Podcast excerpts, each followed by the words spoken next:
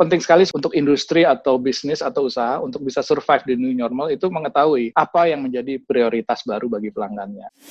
UMKM yang sudah masuk di online itu 80% lebih produktif hmm. dan dia uh, lebih tahan terhadap perubahan ini.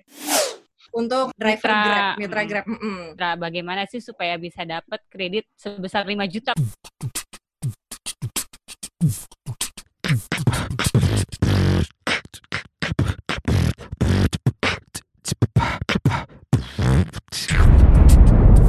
Cuap-cuap cuan.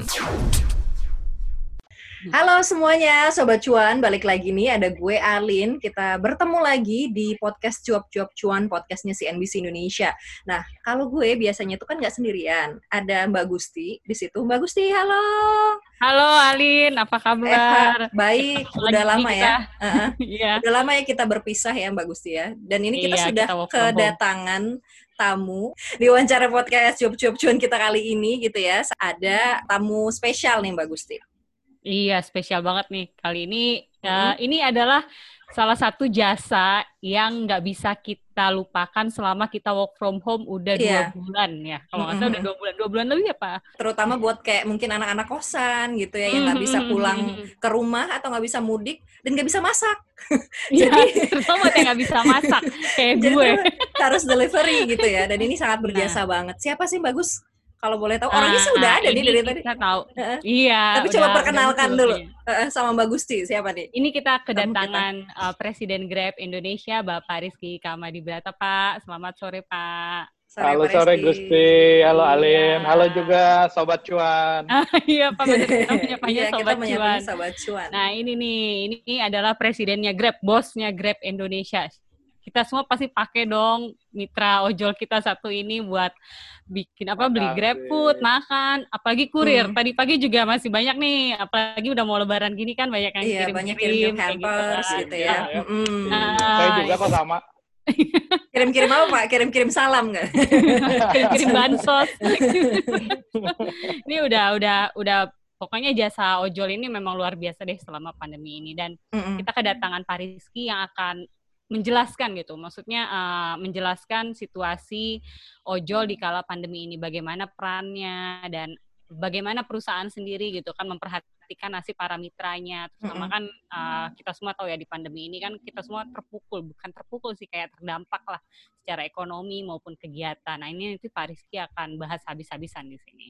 Mm habis-habis. Apalagi kan kalau apalagi kan kalau di Cuma Jakarta di dan kota-kota besar gitu ya, uh, Pak, kan mobilitas kita juga apa namanya terbatas gitu dengan adanya PSBB di Jakarta dan beberapa kota besar gitu. Apakah ini uh, berdampak pasti berdampak lah ya karena kan driver-drivernya uh Grab gitu jadi tidak bisa mengangkut penumpang gitu. Tapi mungkin jadinya ada potensi lain yang terbuka gitu yang bagus ya Mm-hmm. Uh, uh, gitu ada yang lain. Nah kalau ini kita langsung mulai ngobrol-ngobrol aja ya Pak. Langsung aja. Pak Rizky ya, udah siap dari tadi katanya uh, silakan. Iya, okay. ya itu. Wah. Jadi kira-kira gitu ya. Emang ini PSBB kalau saya lihat ya emang ini kan emang gimana ya ini pandemi global semua mm -hmm. negara juga kena jadi kita juga harus sangat memperhatikan bagaimana kita sama-sama nih sebagai masyarakat elemen masyarakat kita semua di Indonesia ini untuk membantu memperlambat atau bahkan menghentikan penyebaran hmm. pandemi ini kan gitu kan kira-kira kan kita iya, kan iya. jadi emang begitu waktu itu PSBB diberlakukan di beberapa tempat beberapa wilayah kita langsung taat lah Grab ini sebagai elemen masyarakat yang penting langsung taat artinya apa layanan Grab baik kita kita hentikan hmm. kita sadar banget sih pada waktu itu artinya apa artinya ya tentunya layanan transportasi kita tentunya turun. Bukan turun lagi di beberapa tempat, bahkan untuk yang Grab Bike itu kan hilang, nggak ada lagi gitu ya. Sama sekali uh, gitu ya Pak ya? Jadi... Iyalah, karena kita iya, stop, ya, kita stop, kita ikutin benar-benar aturannya kita stop. Nah, cuman kan bukan impactnya hanya kepada bisnis dan masyarakat, tapi kan sebagai platform di mana Grab ini merupakan wadah dari uh, apa ya kita sebutnya kan micro entrepreneurs. Ini kan orang-orang ini kan pelaku-pelaku UMKM. Kadang-kadang kita hmm. nyebutnya pengemudi, tapi mereka itu kan hmm. wirausahawan, wirausahawan hmm. mikro. Tentunya mereka terimpact. Kita segera harus berpikir cepat nih, bagaimana sih untuk menyelamatkan ini. Ya, tadi sempat disebutin kan oleh Gusti juga, Moyo Alin. Um, ya, ada berkahnya juga nih PSBB pada saat Ramadan. Artinya apa? Memang orang melakukan pengiriman jauh lebih banyak. Kita langsung segera sih mengalihkan banyak banget uh, bisnis kita ke pelayanan antaran makanan, grab food, hmm. lalu hmm. juga Grab Express, kirim-kirim barang. Uh, bahkan kita juga baru luncurkan juga layanan dua layanan yaitu Grab Mart dan Grab Assistant. Ini sama, ini juga untuk membantu masyarakat, but at the same time membantu para mitra-mitra ini juga. GrabMart apa sih lebih kepada uh, barang-barang uh, kebutuhan sehari-hari. Kalau orang kan hmm. sekarang nih tisu menjadi sangat penting kan, yeah. sabun hmm. gitu ya, ala hmm. apa bahan-bahan masak yang yang basic gitu ya. Bahkan apa tuh namanya mie instan juga kadang-kadang orang-orang ya uh, banyak pakai. Tapi kadang-kadang kita juga nggak ketebak apa sih yang mereka butuhin nggak semuanya bisa kita taruh di dalam GrabMart. Nah, untuk itu kita ada juga Grab Assistant. Orang bisa beli apa aja, nanti ditalangin dulu oleh para mitra pengemudinya. Mm-hmm. Uh, tergantung jumlah besarnya juga bisa dialokasikan ke uh, yang dua roda atau yang empat roda, nanti diantarin ke tempat kita. Ya ini bagian dari ya pertama kita harus uh, tadi bagian dari elemen masyarakat taat untuk sama-sama mempercepat penghentian pandemi ini tapi yang kedua juga kita langsung cepat juga secara layanan melakukan uh, apa namanya adaptasi supaya masyarakat juga bisa terlayani dan mitra pengemudi juga tetap bisa uh, mendapatkan penghasilan yang lumayan lah. Berarti yang dua itu tadi baru Pak ya? Uh, ibaratnya Grab inovasi baru sama dari Grab, Grab Assistant ya, itu ya? Assistant, baru diluncurkan pas ini. Ya, hmm. itu baru. Uh, Grab Mart ini juga kita luncurkan uh, dengan waktu yang cukup cepat ya. Tentunya kalau secara teknologi sih kita kebetulan uh, satu memang bisa ya. Hmm. Yang kedua juga tidak terlalu banyak penyesuaian yang kita lakukan. Uh, dari secara operasional, mitra pengemudi juga udah mulai biasa melakukan itu. Uh, tentunya karena biasa ngantar makanan, ngantar Grab Express dan lain-lain. Jadi penyesuaian juga tidak terlalu banyak. Uh, tinggal mitra-mitranya yang kita uh, tambahin di situ. Kita kerjasama juga dengan beberapa pihak. Ya mudah-mudahan oke okay sih. Saya lihat juga apa ini hal yang yang mendapat sambutan sangat baik. Uh, tentunya tetap di sini uh, secara overall tidak ada bisnis yang tidak terimpact terhadap pandemi COVID ini. Uh, ya mitra pengemudi juga terimpact, tapi kita harapkan dengan secepatnya kita melakukan penyesuaian ini bisa membantulah mereka untuk bisa hmm. menopang kehidupannya. Hmm, gitu. Pak, kalau bicara soal Grab kan sebenarnya kita bukan cuma mitra pengemudi aja kan Pak. Jadi kan kita juga ada mitra-mitra UMKM dan segala macamnya yang bergantung hidupnya lah pada Grab kayak gitu kan. Kalau boleh hmm. tahu uh, berapa sih Pak total ibaratnya mitra yang sekarang berada di bawah Grab gitu? Uh, mitra yang ada di bawah Grab di Indonesia itu ada 5 juta kira-kira ya. Oh, banyak oh. juga ya. Iya, banyak banget itu. Pak. 5 juta itu adalah uh, mitranya ya. Kebayang kalau dengan keluarganya uh, iya. satu orang dua keluarga aja mm. udah 10 juta lebih ya kira-kira ya di situ. Itu ya. seluruh Indonesia, Pak. Seluruh Indonesia. Kenapa uh, sebanyak itu? Karena mitra UMKM ini ada bermacam-macam tadi ya mitra pengemudi, ada mm. dua roda, empat roda.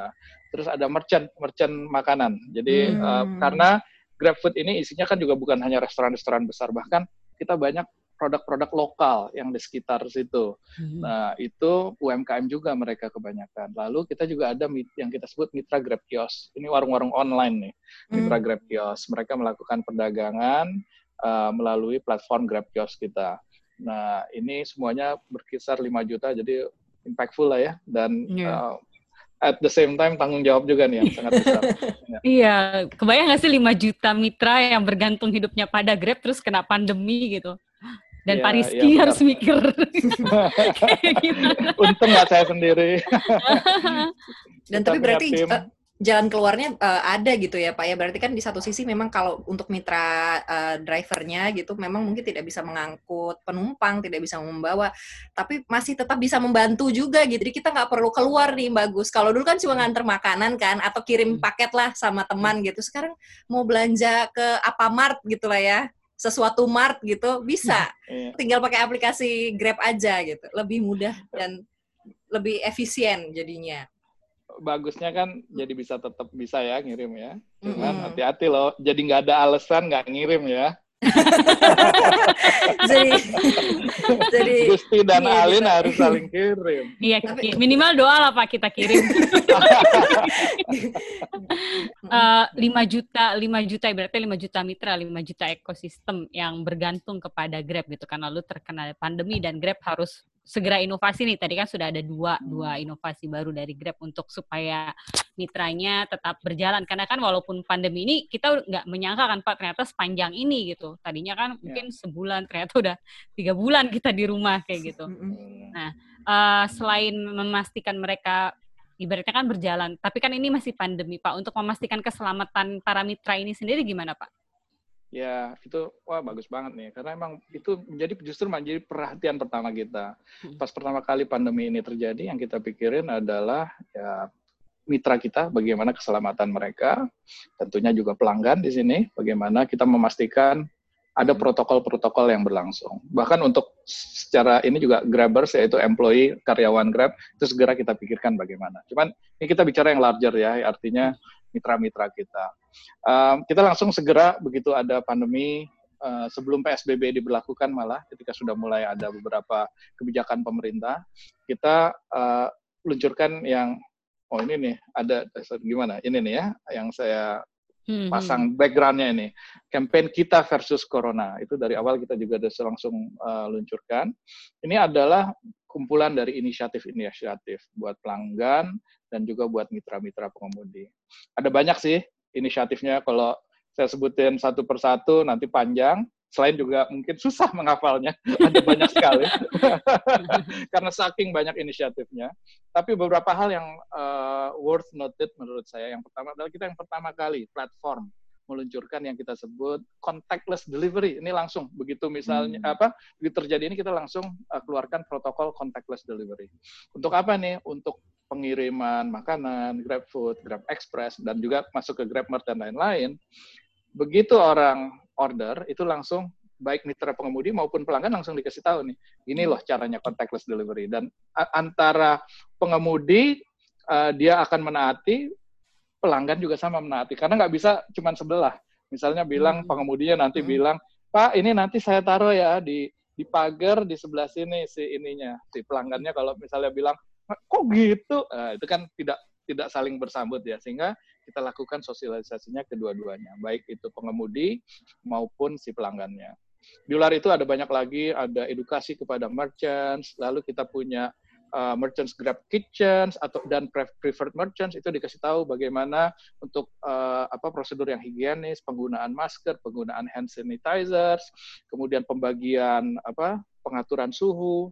Ini yang cool lagi nih, yang keren hmm. lagi nih kita untuk mitra pengemudi juga punya fitur uh, apa namanya pencatatan suhu badan setiap harinya tuh ada di aplikasi para mitra itu mereka merecord berapa uh, suhu badan mereka sehingga kita juga bisa lihat trennya. Kalau ada apa-apa juga bisa kita uh, apa namanya kita lakukan tindakan. Kita juga luncurkan ada program Grab Care ya di sini ya, hmm.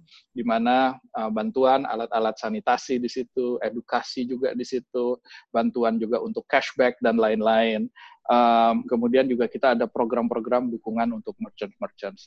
Jadi ada yang tadi kalau misalnya uh, protokolnya itu adalah untuk um, apa higienis, ada bahkan ada kartu uh, apa namanya pengantaran juga di situ. Um, disebutkan di situ bagaimana uh, apa namanya prosedurnya dan lain-lain. Tapi juga kita juga luncurkan sesuatu yang membantu mereka tadi kembali lagi ya untuk para uh, eh, UMKM ini hmm. kan tadi disebutkan bukan hanya pengemudi tapi juga merchant Grab Foods. Kita bantu terutama yang UMKM untuk punya platform di sini visibility di aplikasi Grab.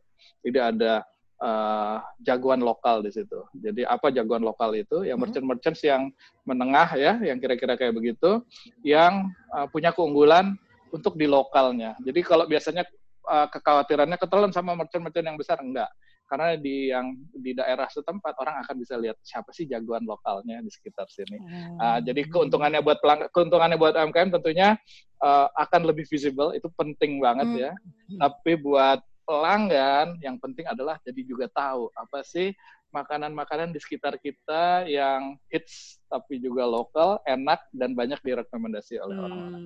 Biasanya kan kita bingung tuh, waduh mau buka puasa pakai apa nih gitu, yang deket-deket di mana kayak gitu. Ya, oh, next time agak bingung buka Grab aja deh. Iya, iya langsung ada ini rekomendasi. Gitu. Pak, tapi itu yang untuk si jagoan lokal ini berarti bisa uh, hmm. uh, maksudnya penilaiannya berdasarkan apa ya gitu? Apakah berdasarkan hmm. paling sering dipesan atau memang punya uh, indikator lain gitu, pelayanan kah, yeah. dari apakah gitu. Karena ini menarik sih menurut saya sebagai yeah. pelanggan juga kan kita mau tahu ya kayak oh ini ternyata recommended tapi uh, direkomennya berdasarkan apa? Apa cuma makanan nah, doang sering dipesan apa gimana, Pak? Kamu jago ya, Alin ya. itu kita kalau makanan memang agak intens, Pak. iya, karena gini, itu benar-benar itu hal yang benar. Pertama kali kita lakukan rekomendasi makanan, mm -hmm. dulu tractionsnya agak kurang bagus. Karena orang nggak tahu direkomendasikan karena apa. Mm-mm. Kita lakukan perbaikan sekarang rekomendasi kita. Kita sebutkan alasannya. Misalnya mm. alasannya ini sedang sedang trending di sekitar kamu. Itu misalnya. Ah. Atau sekarang kategori ini sedang trending. Atau ada lagi disebutin, ini berdasarkan selera yang kamu pilih sebelumnya tipe okay. makanan yang kamu pilih dulu. Sekarang kita sebutkan alasannya sehingga hmm. fractionnya juga kita lihat semakin membaik. Jadi uh, tentunya tipe makanan itu hal yang penting, hmm. uh, tren ya orang banyak mesen atau enggak terus juga berdasarkan pattern yang kita uh, beli sebelumnya ya kira-kira ada algoritmenya dikasih prediksi lah kira-kira Alin sukanya apa nextnya gitu. Oke, okay. berarti memang sangat mengerti ini ya uh, apa customer gitu ya. Ini kayaknya kamu sukanya ini deh gitu. Kira-kira gitu, kira-kira gitu. Dan disebutkan hmm. kenapanya. Hmm, hmm, hmm. dan Pak, berarti selama Ramadan ini untuk bisnis Grab Food dan Grab Food dan pengantaran lumayan meningkat pesat roket ya, dong Pak ya. Ya, lumayan meningkat walaupun untuk uh, apa itu namanya Ramadan ya, untuk food hmm. itu kan skewed ke waktu-waktu tertentu ya, sahur hmm. sama uh, menjelang buka puasa lah ya.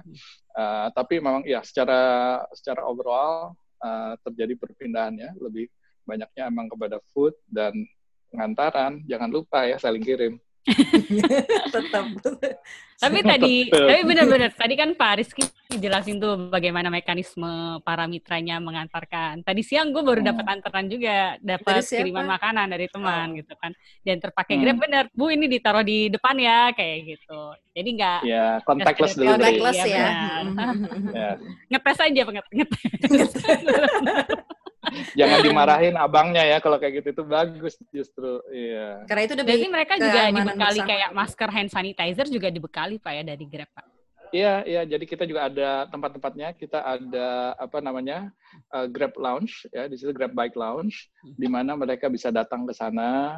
Uh, tempatnya saat ini ada tiga di Jakarta, di mana mereka bisa datang di sana untuk apa namanya melakukan uh, hand sanitizer, dapat masker, bahkan dapat sumbangan-sumbangan dari berbagai pihak. Karena uh, dalam situasi seperti ini banyak juga orang-orang yang menyumbang uh, ke Grab untuk disalurkan. Nah, kita taruh di tempat-tempat tersebut untuk mereka uh, apa mengambil bantuan-bantuan. di tiga titik itu Pak ya tadi? Ya, di tiga titik. Oh, itu namanya apa Pak? Grab Bike? Grab, Bike Lounge. Grab Bike ya. Lounge. Hmm. Emang sebenarnya kalau si Grab Lounge ini kayaknya sudah beberapa lama ya Pak ya? Maksudnya saya sering tuh lihat kayak suka ngadem, suka nongkrong yes. gitu driver yes. Grabnya di situ dan sekarang lebih maksimal jadinya ya Pak. Jadi kayak jadi, scam gitu ya Pak ya? Peruntukannya jadi banyak. Mm-mm. Rupanya rumah kamu dekat Grab Bike Lounge kayaknya. Ya? Ada, Pak. Di dekat sini. Ada ya. Saya sering ngelihat gitu. Nah, tapi berarti ini kalau uh, bisa kita bilang bahwa selain protokolernya dan udah ada rules-nya hmm. sendiri gitu, tapi juga Grab ini memastikan memantau kondisi si mitranya gitu ya, Pak ya, masing-masing dengan tadi di provide sanitizer dan tadi juga apa ada report suhu tubuh setiap ya, hari tuh, gitu ya, Pak ya. Yes, yes. yes. Mm -mm, sangat membantu gitu berarti dan Mudah juga nih mm -mm, sama bantuan yang lagi diomongin nih pak yang, yang lagi hot apa tuh? ibarat ibaratnya ini kalau pemerintah ngasih BLT gitu nih langsung ah, nah, ini kredit, kredit kredit nih pak nah. untuk hmm. apa namanya driver mitra. grab mitra hmm. grab mm -mm. kredit yes, yes. 5 juta ini paling itu sempat jadi top search di internet sih. Seriously ya? Iya. Wow. Iya. Ada report. NBC, NBC juga beberapa kali menjadi trending newsnya kayak gitu kan. Jadi kayaknya memang banyak yang ingin tahu nih Pak Mitra-Mitra bagaimana sih supaya bisa dapat kredit sebesar 5 juta Pak ya kalau nggak salah itu bagaimana dan skemanya seperti apa kayak gitu. Yang eligible ya, tuh yang kayak gimana gitu Pak? Ya ini juga justru pentingnya jadi mitra-mitra yang baik selama ini. Kita ini ini program bahwa mitra-mitra yang berprestasi, baik, rajin, kemudian juga uh, apa namanya service ratingnya juga bagus itu penting sekali. Berkali-kali program kita memang um, apa namanya berlandaskan kepada itu. Kalau dulu mungkin ingat pernah ada program umroh, ah, ya, ah, ah, nah itu itu juga berdasarkan prestasi mereka. Sempat ada yang didatengin, pernah lihat nggak videonya? Iya. Yeah. Dikira mau disuspend katanya. Atau malah Ternyata malah dapat rezeki. Umroh, iya. Nah seperti diketahui kan program kredit ini kan juga harus ada backgroundnya, background hmm. checknya dan lain-lain. Dan rekomendasi ini menjadi hal yang penting. Jadi kita lihat juga emang karena bertahap program ini kita luncurkan dengan BRI. Uh, jadi Bank BRI uh, baru aja minggu lalu kita luncurkan juga. Ini adalah satu program yang uh, memberikan kemudahan bagi mitra-mitra kita, uh, baik pengemudi maupun merchant GrabFood, yang uh, bisa men, apa, mengakses di sini uh, fasilitas kredit. Ada dua dari BRI yang diberikan, yaitu pertama kredit tanpa agunannya, ya dengan kisaran 5 juta rupiah, batasannya 5 juta rupiah di situ. Um, apa namanya? Uh, mereka bisa mengambil uh, kredit ya, yang yang yang yang cukup murah di situ tanpa agunan, enak tuh kan mereka juga tanpa ini. Cuman ya. uh, di sini lagi sekali penting sekali adalah buat kita memberikan rekomendasinya kepada Bank BRI. Kalau kalau mohon maaf kalau kurang bagus kita juga tidak bisa memberikan rekomendasinya kan. Um, hmm. Lalu yang kedua fasilitas kedua adalah uh, kredit usaha rakyat KUR. Hmm. Ini maksimalnya batasnya bahkan bisa sampai 50 juta rupiah. Dan bunganya sangat terjangkau karena KUR ini uh, disubsidi juga oleh pemerintah. Jadi bunganya hanya 6 persen uh, tahun. Kebayangkan itu luar biasa hmm. sangat apa namanya affordable. Jadi untuk mitra-mitra yang apa namanya eligible kita lakukan mulai sosialisasinya untuk mereka mengambil ini. Ada seribu mitra, kita mulai dengan seribu mitra dulu, terus nanti hmm. bertahap dari sini hasilnya kalau mudah-mudahan bagus. Uh, dan caranya juga nanti mudah untuk pembayaran kreditnya. Mereka membuka uh, buku, buku tabungan di BRI yang sudah ada di dalamnya juga asuransi untuk kecelakaan dengan coverage sampai 150 juta rupiah kalau nggak salah. Dan nanti hmm. untuk pemotongannya, cicilannya mudah sekali nanti langsung dicicil aja dari uh, apa namanya dipotong harian juga supaya tidak memberatkan hmm. dari saldo uh, apa uh, walletnya para mitra-mitra pengemudi ini. Jadi gampang sekali prosedurnya dan lain-lain. Mudah-mudahan bisa membantu juga terutama di saat-saat yang sedang uh, penting seperti ini. Saya tahu banyak yang butuh cash uh, hmm. segera uh, dan juga dengan biaya yang murah. Ini adalah salah satu solusinya. Uh, kita juga sangat bersyukur bisa menjalankan kerjasama ini dengan BRI. Pak, misal nih Pak, misal saya adalah mitra Grab-nya yang ingin mendapatkan KTA tadi yang 5 juta kayak gitu kan. Berarti hmm. kan tadi dibuka untuk 1000 Pak ya, 1000 mitra pertama Pak ya. Nah, itu hmm. apakah saya akan menunggu SMS dulu dari Grab, selamat Anda uh, menjadi mitra selektif gitu, terpilih untuk mendapatkan bantuan berupa KTA 5 juta atau misalnya saya bisa datang ke mana gitu, Pak saya mau ini terus nanti minta ajukan ke Grab kayak gitu. Ya, untuk pilot saat ini, yang seribu ini kita lakukan pendekatan lebih aktif, jadi dari Grab-nya saat hmm. ini. Uh, kemudian nanti kita pelajarin, sambil kita pelajarin patternnya dan lain-lain. Tentunya nanti kita buka kepada tentunya set of drivers yang yang punya kriteria yang bagus. Jadi nanti bisa lebih banyak lagi. Jadi hmm, ya berarti untuk ini tahap pertama dipilih Pak ya memang ya. Iya, hmm. iya, iya, iya. Tapi tentunya mudah-mudahan ini bagus segera bisa kita buka ke lebih banyak lagi. Hmm. Tapi dari Tapi, kuota seribu itu Pak, kan sudah ada nih berarti yang dipilih gitu. Apakah semuanya uh, mengambil atau kan ada yang jalan, mungkin gitu. saya nggak butuh gitu, jadi dikasih lagi yang lain gitu yang Mudah-mudahan semua lain. ngambil ini baru mulai Alin tuh oh. lihat hasil. Tapi kayaknya sih semuanya pasti ngambil deh, Pak. sekarang butuh kayaknya cash sih semua iya orang. sih kalau lagi kayak gini nih. Iya. Nah, kalau yang untuk karena ada ada ada peluang ya silakan diambil. Oh. Hmm. Nah, tadi menarik yang soal kur Pak 50 juta. Wow, itu gede banget. Itu gimana tuh Pak kalau kur sendiri? Itu kan luar biasa ya. Udah kayak uh. pegawai jadinya kita bisa ngajuin kur sampai 50 juta. iya, iya, iya. Karena mereka kan melihatnya, bank juga melihatnya mereka um, adalah wirausahawan yang hmm. juga dilihat punya track recordnya secara digital. Kadang-kadang wirausahawan UMKM ini kekurangannya adalah tidak punya track record digital. Hmm, uh, banyak sekali misalnya penjual asongan, bagus hmm. dagangannya luar biasa, begitu didatengin bank atau perusahaan leasing atau lain, mana catatannya? Catatannya kertas, nggak hmm. ada Jadi butuh kayak ada sponsornya gitu ya Pak ya ininya. Ya? Iya yang punya catat sebetulnya punya catatan memang valid hmm. bahwa transaksi dia bagus selama ini. Mitra pengemudi kita, merchant GrabFood, mitra GrabKios kita, kebanyakan transaksinya kan tercatat secara digital. Jadi bank juga percaya melihatnya. Ini adalah makanya penting sekali untuk melakukan digitalisasi UMKM karena uh, impactnya banyak selain akses marketnya semakin lebih besar, tapi juga dia mempunyai akses untuk pembiayaan. Hmm, gitu dengan track record itu ya Pak ya. Jadi ada datanya Betul. gitu. Hmm, hmm, hmm, hmm. Ada datanya.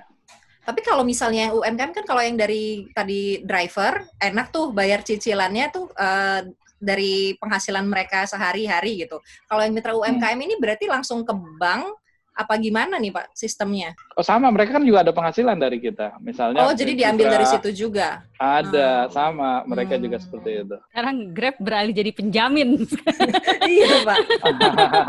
Enggak sih, kita cuman uh, platform yang punya catatannya sehingga bisa memberikan rekomendasi. Tapi model ini sebelumnya udah pernah diterapkan nggak sih Pak? Atau ini di Indonesia aja hmm. gitu? Di negara lain mungkin pernahkah atau sedang dilaksanakan juga gitu karena kondisinya kayak gini? Hmm, mungkin setiap negara berbeda-beda, tapi saya kira secara oh. pattern sama ya. Jadi artinya uh, problem sama di setiap negara itu bahwa. UMKM kebanyakan kesulitan mendapatkan akses untuk pembiayaan. Sama. Makanya keluar ada namanya loan shark, mohon maaf ya kayak tengkulak dan lain-lain. Karena itu kalau kita wawancarai para apa namanya uh, pengambil dan apa pembiayaan dengan biaya yang besar, kebanyakan mereka juga tidak terlalu komplain karena yang dibutuhkan adalah aksesnya kepada pembiayaan. Hmm. Nah, sama solusi kepada negara-negara negara-negara adalah melakukan digitalisasi UMKM. Jadi selain tadi mendapatkan akses untuk marketnya, dia mempunyai akses untuk pencatatan transaksinya yang valid untuk bisa dijadikan dasar untuk pembiayaan. Saya pikir trennya kira-kira mirip di seluruh dunia, cuman implementasinya lain-lain. Di Indonesia kebetulan punya KUR ya, ini tentunya sangat dimanfaatkan. Pemerintah kita berterima kasih sekali kepada terima kasih apa pemerintah yang punya perhatian sangat besar kepada UMKM dan menyediakan dana khusus untuk untuk pembiayaan ini. Hmm. Saya jadi keinget statement beberapa pengusaha ini Pak belakangan ini yang menyebut Bill Gates juga termasuk ya bahwa uh, dalam kondisi pandemi hmm. ini kita dipaksa untuk bertransformasi digital lebih cepat kayak Betul gitu. Itu. Nah, Nah, ini juga akhirnya UMKM kita juga harus bertransformasi digital lebih cepat kayak gitu. Dan buat Grab sendiri, berarti bisa dibilang pandemi ini bisa jadi satu peluang juga dong ya untuk Grab mengembangkan bisnis dan menggandeng mitra kayak gitu. Ya, karena kita lihat nih dengan adanya pandemi ini, work from home, beberapa usaha memang atau uh, layanan itu harus berubah. Hmm. Kan salah satunya adalah pembelian ini sekarang banyak dilakukan secara remote ya, online lah ya orang-orang bilang ya, daring. Tapi kan sebetulnya kalau tadinya karena convenience, faktor convenience, orang-orang pengen beli apa secara online. Hmm. Sekarang dipaksa, ya kan? Orang oh, harus karena oh nggak mau gitu karena memang nggak boleh keluar rumah atau minimum minimum banget keluar rumahnya at the same time pada saat orang melakukan yang dipaksa itu, sebagian market merasakan manfaatnya, benefit yang sebelumnya nggak pernah online, sekarang jadi merasa, oh, ternyata enak juga ya, saya harus uh, beli ini diantar, tiba-tiba abang grabnya datang gitu ya, ini ini mereka buat mereka menjadi uh, new behaviors di situ. Nah, poin saya adalah post pandemic, post covid ini, apakah behavior ini stay? Hmm, hmm. Untuk yang merasakan manfaatnya, akan stay. Pasti dia akan melakukan itu. Yang memang merasa masih merasa oh emang untuk hal-hal tertentu saya emang lebih baik seperti ini. Yang ditakutkan adalah UMKM yang tidak siap akan terdampak dengan perubahan ini. Kalau tadinya mereka berpikir oh ini pandemik PSBB work from home. Mereka mengharapkan setelah pandemik kembali lagi pelanggannya. Yang kasihan kan adalah setelah pandemik ternyata sebagian dari customernya tidak balik Udah, lagi ke dia. Iya. Hmm. Nah inilah makanya sekalian nyambung uh, kita hasil diskusi dengan uh, apa perusahaan teknologi, digital, e-commerce dan pemerintah baru aja minggu lalu 14 Mei yang lalu meluncurkan uh, kampanye diluncurkan oleh Bapak Presiden Jokowi Bangga Buatan Indonesia. Grab ikut berpartisipasi di sana. Hmm. Jadi apa sih kampanye Bangga Buatan Indonesia ini? Ini bukan cuman kita uh, apa namanya mengkampanyekan produk-produk yang dibuat dalam negeri bukan hanya itu tapi juga utamanya di sini adalah kampanye untuk para UMKM yang offline untuk bisa masuk ke online melalui platform-platform termasuk di antaranya Grab ya tadi ya Grab Mart, Grab Assistant, uh, Grab Food, Grab Kios dan lain-lain. Kenapa? Untuk mempersiapkan ini bagi mereka karena uh, 8 uh, sorry, UMKM yang sudah masuk di online itu 80% lebih produktif dan hmm. dia uh, lebih tahan terhadap perubahan ini. Hmm. Dan uh, inilah waktunya untuk uh, embrace ini karena pada saat ini mereka merasakan manfaatnya.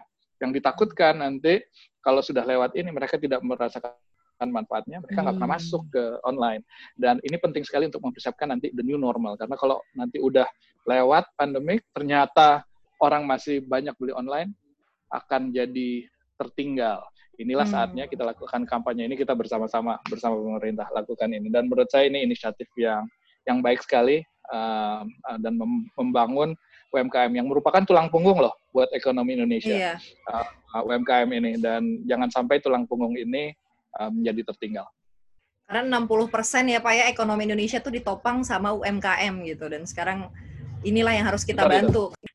Karena dengan keterbatasan ini kan bukan tidak mungkin banyak peluang ya Pak ya yang malah uh, maksudnya banyak masalah malah harus ada problem solvingnya dan itu mungkin bisa dilihat gitu ya sebagai salah satu peluang gitu untuk Grab dan perusahaan-perusahaan lain gitu perusahaan digital lainnya gitu kondisi banyak peluangnya hmm. betul sekali. Hmm tapi hal yang mungkin baru dan yang akan kita kita hadapi bersama di seluruh dunia ini adalah the new normal gitu. Nah, kalau untuk di Grab hmm. sendiri, ini the new normalnya persiapannya bagaimana, Pak? Walaupun memang bisa kita bilang ya, apa namanya layanan seperti layanan baru Grab Mart dan juga Grab Assistant itu adalah bisa dibilang akan jadi masa depannya gitu. The new normalnya akan seperti itu gitu. Tapi kalau hal lain mungkin yang disiapkan oleh Grab sendiri untuk menghadapi the ya, new sekarang, normal. Sebelum Ya, sebelum saya jawab itu mungkin emang the new normal ini sebuah pertanyaan yang luar biasa karena kita memprediksi apa yang akan terjadi.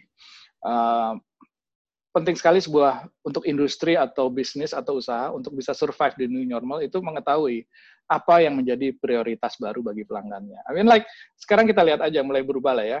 Um, kalau dulu sebelum pre-COVID ini orang mungkin punya appetite untuk luxury good tiba-tiba dengan adanya COVID, mungkin kebutuhan luxury good itu menurun. Kemudian kebutuhan bahan pokok, baju-baju dasar itu justru malah meningkat. Uh, walaupun tidak se ekstrim zaman perang, tapi perubahan yang serupa mirip-mirip itu terjadi, pergeseran kebutuhan orang. Hmm. Uh, lalu juga uh, kita lihat di sini adalah uh, preferensi masyarakat juga tentunya berubah. Kita lihat ya tadi saya apa pengiriman, uh, groceries dan lain-lain. Ini menjadi hal yang perlu diperhatikan sebelum saya menjawab. Uh, bagaimana Grab mensikapi hal ini, melakukan perubahan, uh, adjustment, justifikasi. Hmm.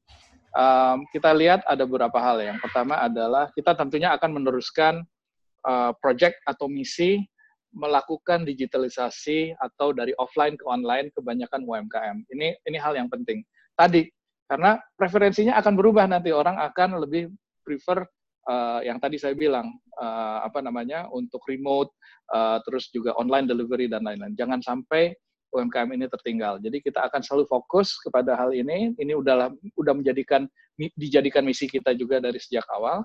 Apalagi pemerintah sekarang sudah mencanangkan bangga buatan Indonesia yang di dalamnya adalah uh, melakukan kampanye untuk UMKM dari offline ke online Hal yang kedua yang kita lakukan adalah new protocol.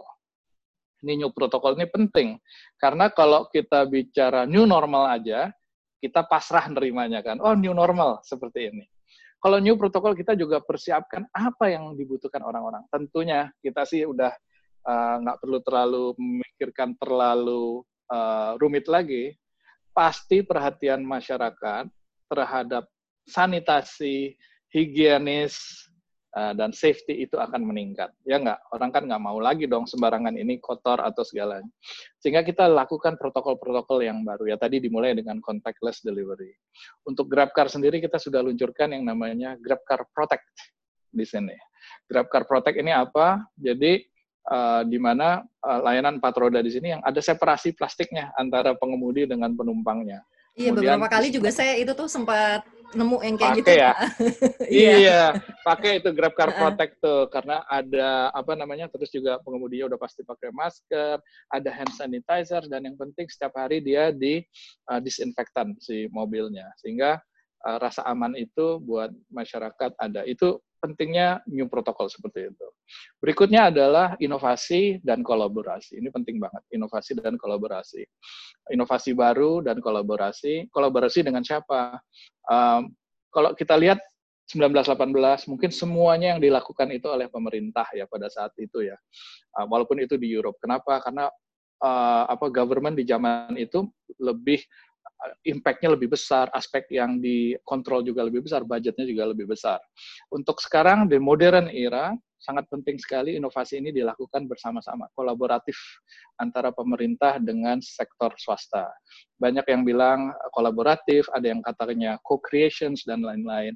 Ini semua adalah inovasi dengan kerjasama. Ah, hal-hal uh, yang bisa kita lakukan Grab di sini tentunya soal medical di antaranya, yang sangat pasti menjadi bagian yang penting. Di Grab sendiri kita sudah luncurkan Grab Health di um, apa di akhir tahun lalu. Ini pas banget, kebetulan ada COVID, telemedicine ada ini menjadi fasilitasnya gitu ya Pak. Ya. Iya, telemedicine ini menjadi hal yang sangat penting mm -hmm. dan kita kerjasama dengan pemerintah uh, dengan Kementerian Kesehatan bahkan di endorse juga oleh Presiden untuk telemedicine salah satunya memang adalah Grab Health di sini mm -hmm. karena membantu telemedicine uh, dan di antaranya Grab Health ini membantu dalam dua hal. Pertama, dia untuk apa namanya observasi awal tidak perlu ada fisik sehingga meminimalisir kemungkinan malah dia terkena COVID uh, gitu ya Pak ya. Terkena COVID itu mm -hmm. yang pertama. Keuntungan yang kedua, dengan dia tidak usah langsung ke medical facility, mm-hmm. itu artinya apa? Artinya memberikan kapasitas lebih buat medical facility melayani pasien COVID.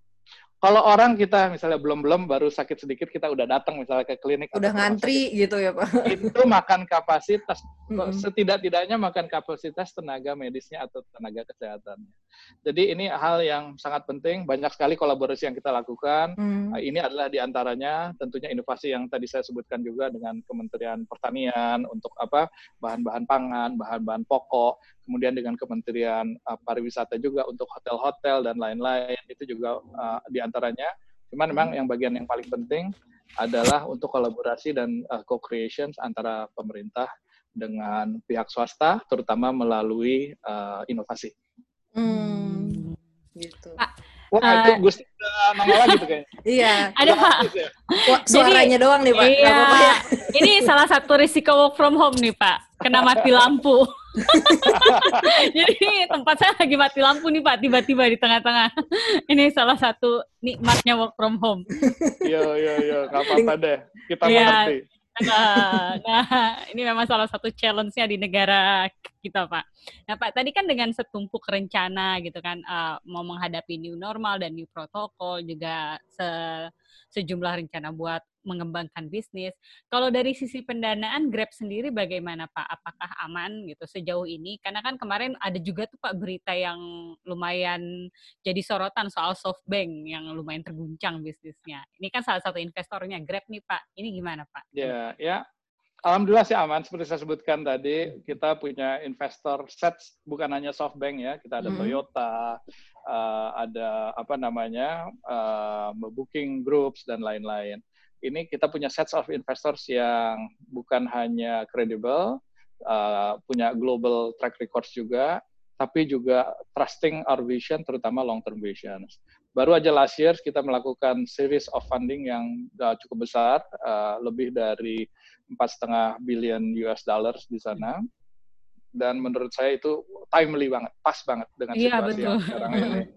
Uh, jadi walaupun mungkin tadi uh, saya tidak bisa berkomentar untuk SoftBank obviously, uh, tapi uh, tentunya ini adalah saat yang tepat sekali. Alhamdulillah sih aman, kita siap.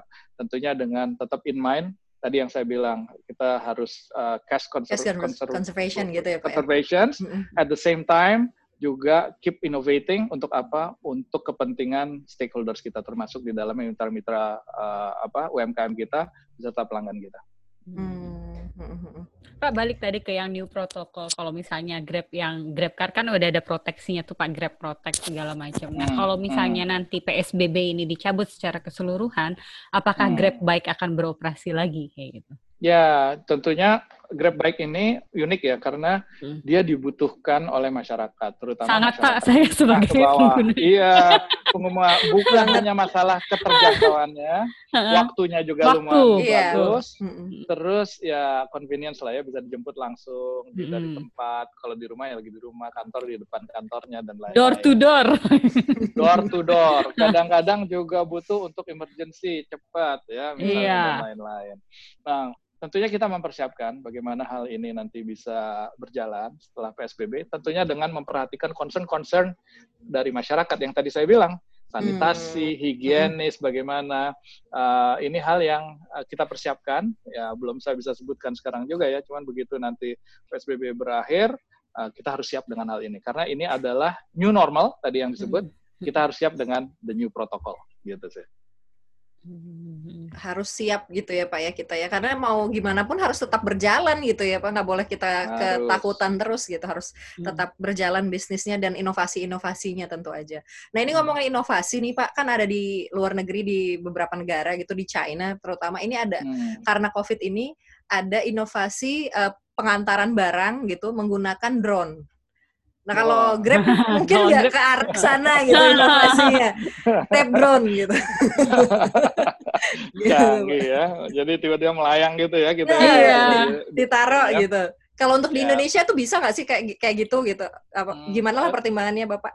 Ya sebetulnya sebetulnya secara teknologi itu sangat menarik. Kita tidak pernah menutup kemungkinan untuk teknologi tertentu. Setiap ada apa namanya uh, idea inovasi baru tentunya kita pertimbangkan. Yang tentunya harus visible buat pelanggannya juga dipergunakan, secara economically juga memungkinkan, dan secara teknologi kita bisa luncurkan itu. Ya, kita terima segala macam masukan, mm-hmm. itu mungkin juga hal yang bisa kita pertimbangkan, cuman tunggu aja lah ya kita banyak tanggal ininya lah ya inovasi Kayaknya banyak kejutan nih ya pak banyak kejutan iya, iya, iya. ya cuman memang jangan lupa juga dalam meluncurkan sesuatu produk uh-huh. harus di, di, dipelajari juga atau diperhatikan kearifan lokalnya ya kan uh, iya. masih lokalnya masyarakatnya behaviornya culturalnya uh, social impactnya dan lain-lain itu tentunya akan menjadi pertimbangan dan bukan artinya kita juga pesimistik artinya mm -hmm. kita harus mempertimbangkan banyak faktor dan jangan lupa kita juga harus uh, apa namanya uji coba piloting mm. semuanya mungkin belum bisa dijawab secara langsung juga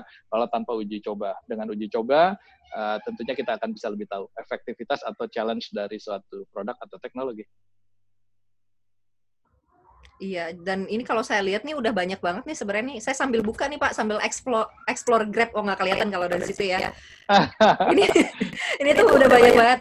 Ini kayak yang Bapak bilang tadi ada apa uh, GrabFood kita udah tahu semua gitu ya, GrabMart, hmm. uh, Assistant, terus yang Grab Health juga Grab Car, groceries, udah udah udah banyak lah apa namanya fasilitasnya dan kita tunggu nih Pak pastinya uh, apa-apa lagi masalah kita yang dapat dipecahkan oleh Grab. kan karena gitu ya Pak, masyarakat sekarang itu customer sekarang kan kayak uh, ya gue masalah banyak sih, apa nih yang bisa dibantu gitu dan ya itulah jadi iya. jadi peluang di situ gitu ya Pak ya untuk uh, Grab terutamanya. A ada loh inovasi baru tuh di GrabFood. Kita mm -hmm. bisa pesan untuk jam tertentu. Jadi kebanyakan kan kalau pesan book langsung sekarang. Iya iya. Nah biasanya oh, kalau misalnya para wanita nih, misalnya mm-hmm. sambil masak di rumah, aduh mm-hmm. nanti takut kelupaan ini. Jadi instead of deliver deliver now, ada uh-huh. option untuk change optionsnya. Nanti kita bisa pilih jamnya jam berapa. Oh gitu kan? sekarang. Tapi tapi iya. kemarin saya saya karena belum tahu itu. Nah, ini saya, baru juga ya. Nanti saya coba explore lagi. Kemarin tuh saya tem, apa sempat order buat buka puasa ya seperti biasa aja gitu. Apa uh, nunggu biasa. jamnya nanti iya. kan. segini aja deh yang gak rame jam segini gitu. Oh, ternyata sekarang uh, bisa ya. Oh, ini bisa. informasi baru lagi. Nanti saya tes lagi deh, Pak. Kalau gitu saya belum ngecek-ngecek. Apa terakhir ya, termasuk dari statement Iya, termasuk huh? tadi kan statement apa lagi yang berguna buat masyarakat. Uh -uh. Ini kan cocok banget kan, berguna mm -hmm. banget. Terutama mm -hmm. lagi Ramadan gini, pakai tuh. Jadi mm -mm. pakai penjadwalan. Bahkan mungkin kalau makan sahur bisa dibangunin sekalian sama ininya ya. Ah. ya Grabnya yang nganter gitu ya. Karena kita udah jadwalin, oh ini udah datang. Bapak saya, ini akal-akalan saya aja sih Pak. saya akan menggunakan itu untuk sahur. mungkin Sobat Cuan juga iya. bisa. Itu banyak banget ya Sobat Cuan tadi kalau kita dengar ini uh, dari Pak Rizky, ternyata di aplikasi Grab tuh banyak banget yang baru dan yang yang yang timing ini sih Pak yang yang yang saya juga baru tahu padahal saya sering banget gitu GrabFood dan baru tahu nih hmm. ternyata bisa kayak gitu dan juga ada dua yang baru ya Pak ya tadi ya ada Grab Mart sama Grab Assistant. Ini sangat hmm. membantu tentunya di kondisi kayak gini dan juga di untuk orang-orang yang malas seperti saya. Kalau bisa orang lain yang melakukan, kenapa harus saya? Kalau saya sih prinsipnya kayak gitu. Dan ini Grab datang sebagai uh, solusi dan jawaban gitu ya dari kebutuhan-kebutuhan dan juga uh, masalah kita gitu Sobat Cuan. Nah kalau Bapak sendiri nih, ada nggak sih pesan gitu untuk mitra Grab bahwa kan uh, ya kita tidak bisa memungkiri bahwa hmm. kesusahan ini memang di, dialami semua uh, pihak gitu ya, semua kalangan. Benar. Uh, mungkin Pak Rizky ada uh, encouragement atau pesan apa gitu untuk mitra-mitra uh, Grab di tengah pandemi ini, Pak? Iya.